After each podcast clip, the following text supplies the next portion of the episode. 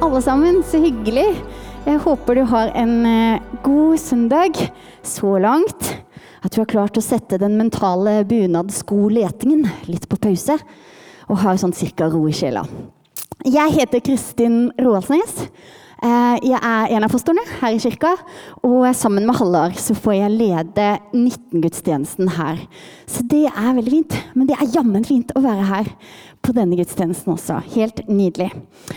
Og by the way så stuper jeg i dag inn igjen i full jobb i kirka her etter permisjonstid med våre minste Philip. Og når det skjer, så fyker Halvard eh, ut i pappaperm.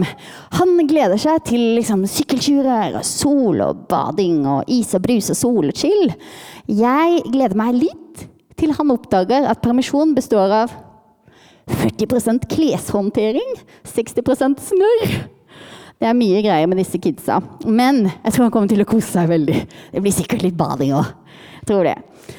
Uansett, før jeg fortsetter, så vil jeg gjerne be en bønn. Så gjerne vær med og be. Jesus, jeg takker deg for at vi har muligheten til å samles som din kirke. Takk for at du sier at der to eller tre er samla, så er du midt iblant dem. Jeg ber om at du skal hjelpe meg å tale rett sant om deg. Og at du skal puste på mine ord, sånn at det blir liv. Amen. Ja, vi er inne i en serie om Galaterbrevet, som sikkert eh, flere har fått med seg. Og vi har kommet til kapittel fire. Eh, tidligere så har vi hørt Andreas, hvor han stilte spørsmålet hvorfor skal vi lytte til Paulus fra kapittel 1. Parentes, I et litt trøtt øyeblikk når jeg skulle dele med Halvard liksom hva jeg skulle si, så sa jeg tidligere har vi hørt Paulus stille spørsmålet hvorfor skal vi lytte til Andreas? Og det kjente jeg kanskje ble litt feil.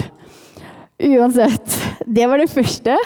Hvorfor skal vi lytte til Paulus? Og så fikk vi høre fra Karl Inge, kapittel 2, om hvorfor lære er viktig. Altså innholdet i troen vår, teologien. Og så fikk vi høre Vetle tale nydelig forrige søndag om lov eller tro.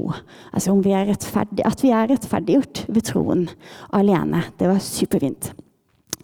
Men uansett, enten du har hørt alle disse eller ingenting eller noen, så vil jeg gi en liten sånn eh, background på Galaterbrevet.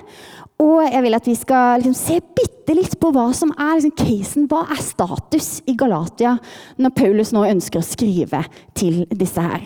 Sånn at vi er litt på samme spor før vi stuper inn i det. Galaterbrevet er kanskje det aller første brevet som ble skrevet ned av bøkene i Det nye testamentet. Det ble skrevet sånn på slutten av 40-tallet. Og Jesus døde jo rundt år 33, så det er egentlig skrevet ganske kort tid etter det. Og Det er det eldste bevarte brevet vi har av Paulus, som da er forfatteren. som du sikkert har fått med det, Og det er skrevet til en gruppe kristne i Galatia, som ville vært i dagens Tyrkia. Og Bakgrunnen for at Paulus nå skriver til galaterne, er dette her. Paulus har besøkt Galatia tidligere og delt evangeliet om Jesus, og de har tatt imot, som et resultat av det, så tok de imot budskapet hans om Jesus Kristus. Men nå så råder det stor forvirring i Galatia etter at en gruppe jødekristne har liksom kommet med en sånn kontramelding om at nå er det ikke lenger kun troen og nåden alene som gjelder. Du må også fortsatt holde, overholde Moseloven. Så de kom med en liten sånn et lite sånn Du må fortsatt overholde Moseloven. Det er ikke nåden alene som er nok. Status nå Galatia har blitt frista til å vende tilbake til denne her vektleggingen av loven og egne gjerninger, og bort fra nåden i Jesus Kristus alene, som Paulus hadde undervist dem om tidligere. Så Galaterbrevet er på veldig mange måter eh, skrevet for å forklare og forsvare hovedbudskapet i den kristne tro. Altså det som kalles evangelium, eller de gode nyhetene. Og vi håper at gjennom å titte litt på dette her brevet disse ukene, så kan vi forstå litt mer av hvordan det kunne skje at det store nederlaget på korset kunne bli en sånn enorm seier. Og at ikke bare en sånn seier som er en, er en, historisk eh, fin begivenhet for oss, men en seier som angår og gir håp til oss alle hver dag. Og Med det som bakteppe så ønsker jeg å ta deg med til fire ulike stoppesteder i kapittel fire. Er dere med så langt? Bra. De første versene av kapittel fire um, er egentlig siste del av Paulus' sitt resonnement i kapittel tre. Så derfor vil jeg ta dere med til vers åtte. Og jeg vil stoppe først ved vers ni. Den gang dere ikke kjente Gud, var dere slaver under guder som ikke er virkelige guder. Men nå, når dere kjenner Gud, ja, mer enn det Når dere er kjent av Gud Det jeg har lyst til å ta tak i aller først her, er en korreksjon egentlig som Paulus gjør av sitt eget språk. Når dere kjenner Gud, ja, men mer enn det. Når dere er kjent av Gud. Denne korreksjonen er designa ikke for å fortelle liksom, galaterne at dere tidligere ikke kjente Gud, men for å legge vekten der som Paulus vanligvis legger den, og liker å legge den. På Guds suverene nåde, og at det er Gud sjøl som er initiativtakeren til relasjonen. Vi forkjenner Gud. Men mer enn det, sier Paulus. Dere er kjent av Gud. Så det første jeg ønsker at vi skal merke oss ved denne her teksten, det er dette at Gud er initiativtakeren. Paulus gjør det tydelig at det er ikke først og fremst mennesker som søker Gud. Det er faktisk motsatt. Det er Gud som søker mennesker. Vår tro og Guds relasjon er ikke et resultat av at vi er så flinke og flittige i vår gudssøken, men et resultat av at Gud har strikt seg ned mot oss og åpenbart seg for oss. For hvor fort er det ikke å tenke at Ja, men hva med hvis jeg gjør bare bitte litt, da? Ja, bare litt. Jeg kjenner det nådegreiene og sånn, men bare litt, da. Åh, Det er så fristende å tenke at det må vel gjøre det litt enklere for Gud å ønske en relasjon til meg om jeg gjør bare bitte litt, da. Hva med å lese Bibelen litt mer, be litt mer, hjelpe naboen med dekkskift? Han, det kan jo ikke være han, han, han kan jo umulig ikke kjenne at han er bitte litt mer glad i meg om jeg ikke gjør disse her tinga. Men Paulus mener at det utelukkende handler om en gave som vi har fått av Gud. At han har strikt seg ut mot oss og åpenbart seg for oss. Det kan sammenlignes med en litt uvanta gave. En uoppfordra, overraska, ikke forventa gave. Faktisk en direkte, ufortjent gave som når man blir vist raushet, selv om man egentlig ja, kjenner at egentlig er jeg bare skikkelig gniende og vanskelig sjøl. Som når Halvard velger å stå opp fem med barna våre. Ja, fem med barna våre. Når det egentlig er min tur. Og jeg attpåtil har vært skikkelig sur og trøtt hele det siste døgnet. En gave som gis på eget initiativ, kun for å glede den andre. Kan du huske en gang noen gjorde en eller annen litt uventa tjeneste for deg. Eller kom med kanskje litt sånn ufortjent gave. Jeg syns at det er ganske magisk, i alle fall. Og sånn er det også med Guds nåde. Det er ikke på grunnlag av at vi har vært så flinke og flittige at vi får ha en relasjon til Gud. Men fordi han fullstendig ufortjent og på eget initiativ har strekt seg ut mot oss. I brev til efeserne så leser vi For av nåde er dere frelst. Det er ikke deres eget verk. Det er Guds gave. Det andre stoppestedet jeg ønsker å gjøre i kapittel 4, det er ved avsnittet vers 12-20. Her skal vi se på to hjertesaker for Paulus. I denne, teksten, I denne delen av teksten så blir Paulus egentlig ganske mye mer emosjonell. Og det liksom blir tydelig hvilken omsorg han har for galaterne. Han har en sånn inderlighet i de ordene han sier. 'Jeg ber dere, søsken, hvor er jubelen deres blitt av?' 'Den iver disse andre viser dere, er ikke til det gode.' 'De vil bare skille dere fra oss for å vinne dere som ivrige tilhengere.' 'Mine barn, som jeg gjennom føde med smerte til Kristus for skikkelse i dere.' 'Jeg skulle ønske at jeg var hos dere nå og kunne bruke en annen tone når jeg snakker,' 'for jeg vet ingen råd med dere.' Hvorfor blir han så emosjonell? Hvorfor så emosjonell, Paulus? Man skulle kanskje tro at det var fordi han mista etterfølgere, men det formidler han faktisk eksplisitt i teksten at det er det ikke. Han sier 'dere har ikke gjort urett mot meg', men fordi han har sånn enorm omsorg for galaterne, og fordi han sjøl har fått oppleve hvordan denne her friheten som ligger i Jesus, at den kan bety så mye. Og det å ikke være fanga i et system som holder han nede. Én ting blir tydelig her. Paulus er langt ifra likegyldig til troen. Paulus er emosjonell fordi det betyr noe for ham. Budskapet om Jesus har forandra ham fullstendig. Han ønsker seg inderlig at andre skal få oppleve det som han har fått oppleve. Friheten han har fått oppleve. Og det river liksom i sjela hans at det er noen som er på vei bort fra det som han mener er det rette og det beste over dem. Derfor oppfordrer han galaterne, og også oss i dag, å ikke være likegyldig til den troen vi har. Paulus ber inderlig ta stilling til det dere har hørt. Gjør det enda en gang. Gjør det igjen. Hvorfor det? Jo, for det vi tror på, den overbevisningen vi har, den former oss. Det vi tror på, får betydning for hvilke liv vi lever. Som Karl Inge også nevnte for to uker siden.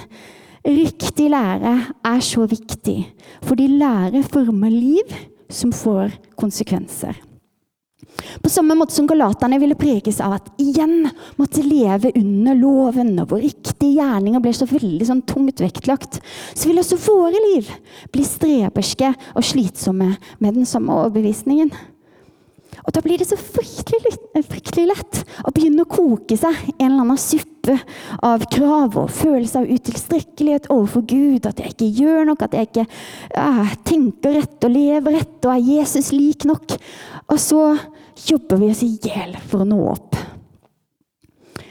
Men hvis vi forsøker å holde oss mentalt og følelsesmessig engasjert i at Jesu budskap om nåde at det er sant, og at det betyr noe for deg og meg i dag, så vil det kunne få store innvirkninger på våre liv. Det er jeg helt sikker på. Da vil vi kunne kjenne som Paulus at friheten som ligger i å følge Jesus, er så mye bedre enn dette er en nåde, men pluss dette. Nåde med pluss ditten og datten, som gjør at vi må liksom holde tunga så sinnssykt rett i munnen hele tida. En av pastorene i Saltbergkirken som sikkert noen kjenner til. Sigurd Bekkevold. En skikkelig, skikkelig fin fyr. Han ble intervjua om trosreisen sin for et års tid siden. Han eh, deler om at eh, hvordan forkynnelsen han hadde vokst opp med, hadde det han beskriver som et overskyggende fokus på det å leve et liv i seier over synd. At frelsen og det kristne livet gikk ut på det å hver dag fornekte seg selv og ta opp sitt kors. Gi alt til Jesus og ikke holde noe tilbake. Og i seg sjøl ingenting galt med det. Men det var så lite fokus på de andre store temaene.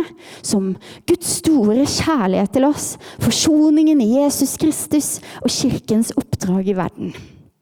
Han sier dette. Å seire over synd var noe jeg ønska. Og jeg forsøkte det jeg kunne, men jeg opplevde ikke at jeg fikk det til.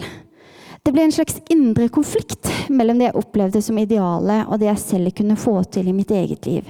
Jeg ble aldri god nok for Gud. Det var først noen år senere, da Sigurd fikk besøk i flere kristne miljøer, at han hørte det klassiske budskapet om Jesu død og oppstandelse. At Gud er vår far, og at han elsker, sine, elsker oss som sine barn. Det var da det løsna. Og han sier, alt ga mening for meg på en ny måte. Jeg som aldri hadde strukket til, var akseptert akkurat som jeg var. Og han avslutter med disse ordene. Jeg så for meg en liten gud med veldig store krav til meg. Nå tror jeg på kraften i budskapet om Jesus. En stor gud og frihet til å følge ham. Jeg unner virkelig alle å få en erfaring av Guds enorme godhet og kjærlighet. Og at han møter oss der vi er, og aksepterer oss akkurat som vi er.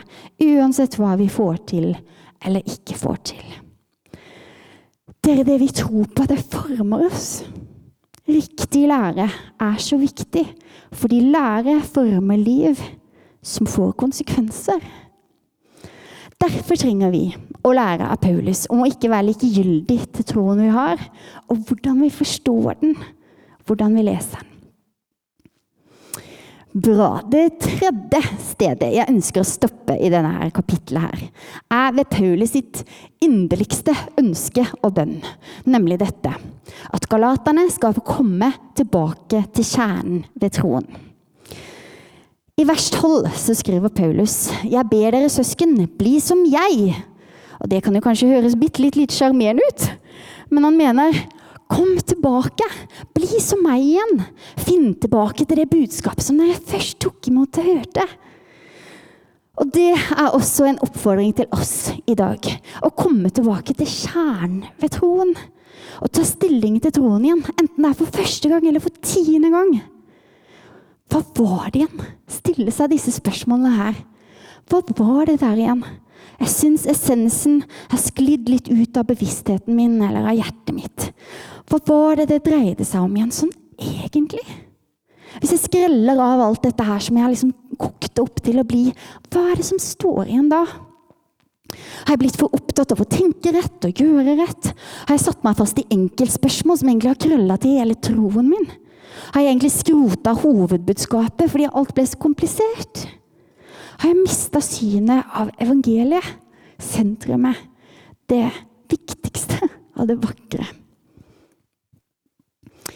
Et annet spor ved det å komme tilbake til kjernen. Galaterne er jo på en slags trosreise. De tar imot budskapet om Jesus først, for så å liksom gå en omvei og lytte til et lite sånn sidetrack for så å bli inspirert til å komme tilbake igjen. Kanskje noen kan kjenne seg igjen i det at man på et tidligere tidspunkt kanskje ønska noe eller ville, var inspirert og vågde. Mens nå så har det blitt mer krevende å ønske og ville og våge. Jeg satt og funderte over bildet av årstidene. Man lever, etter min mening i hvert fall, i alt dette vakre om våren og sommeren og tidlig høst. Men gjennom en lang høst, hvor etter hvert alt visner og bokstavelig talt forsvinner Det blir mørkere og mørkere, kaldere og kaldere. Er det lett å miste synet av fargene som en gang var der? Det klare bildet, sånn det egentlig så ut. Hvordan blomstene og trærne egentlig kunne se ut.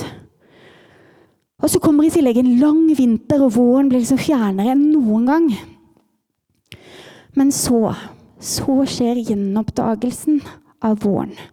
Man begynner å huske hvordan dette her lukta, hvordan det egentlig så ut, hvordan varme kjentes på kroppen.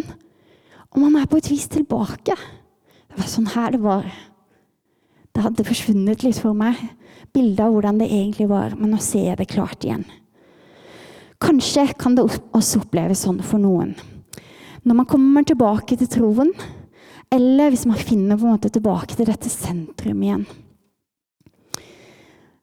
Ok, bra. Nå skal vi se på Paulus sitt endelige argument i hans sak mot denne her gruppa av jødekristne som hadde forvirra galaterne og han gjør det ved hjelp av en parallell til, historie, til en historie i Gammeltestamentet om Abraham og hans vei til å få barn med Sara og Hagar. Han ønsker å slå inn spikeren én gang for alle. Nå, pga. Jesu død og oppstandelse, får man være i relasjon til Gud kun basert på troen på Jesus Kristus alene parentes. Er det ikke ganske spennende at det Gud gjorde for flere tusen år siden, på Abrahams tid, har en liksom rød tråd til det Jesus gjorde, og er aktuelt for oss i dag? Jeg syns det er helt, helt nydelig. Skikkelig, skikkelig bra. Snakker om gjennomført opplegg. Parentes slutt.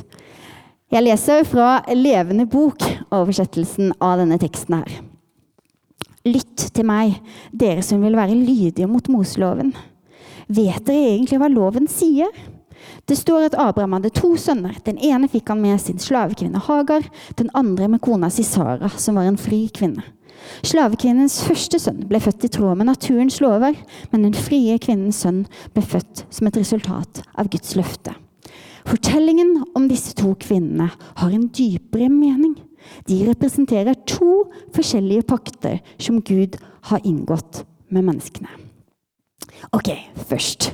Det kan være litt vrient å forholde seg til orda som blir brukt her. Slave eller slavekvinnen. Så jeg vil bare gjøre oss oppmerksomme på at disse her begrepene slave i teksten ikke handler om disse kvinnenes anseelse eller status i samfunnet, men at de tjener som en illustrasjon på to viktige poeng som Paulus ønsker å gjøre, nemlig disse at Hagar og Sara representerer de to paktene som Gud har inngått. Den gamle pakt den bygger på menneskelige gjerninger og loven, mens den nye pakt baserer seg på Jesu eget verk på korset. Og det andre han vil gjøre et poeng ut av her, er at den som vil følge loven eller sine egne gjerninger, det er den som blir slave eller bundet. Men den som velger løftet, den blir fri.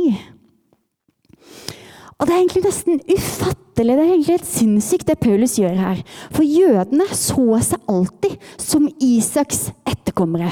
De frie, de riktige etterkommerne. Men nå snur Paulus dette her fullstendig på hodet. Han sier de som følger Gud i kjøtt og gjerninger, de er symbolsk sett Hagar sine barn. Fordi det fører til bundenhet og uten arv av løftet. Men de som lever i tro, de er Saras rette etterkommere og får motta Guds løfte.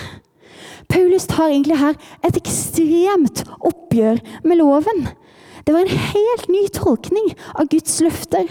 Tidligere var man i relasjon til Gud pga. slektskap og troskap mot loven. Nå er man i relasjon til Gud basert på troen på Jesus Kristus alene. Videre så gjør Paulus det tydelig at Saras vei, løftets vei, er en overnaturlig vei. Det er en nådens vei. Hvilken familie du kommer fra, skaper ikke automatisk en relasjon til Gud. Det arves ikke ved blod. Det kan være mye positivt på å vokse opp i en kristen familie hvor man får lære troen og de kristne verdiene. Likevel så løfter Bibelen frem at det er noe personlig. Troen er din. Du får ta ditt eget valg. Og det er samtidig et mirakel. Troen. Vi i oss selv kan ikke føde frem troen inni oss. Det er Gud som gjør det mulig.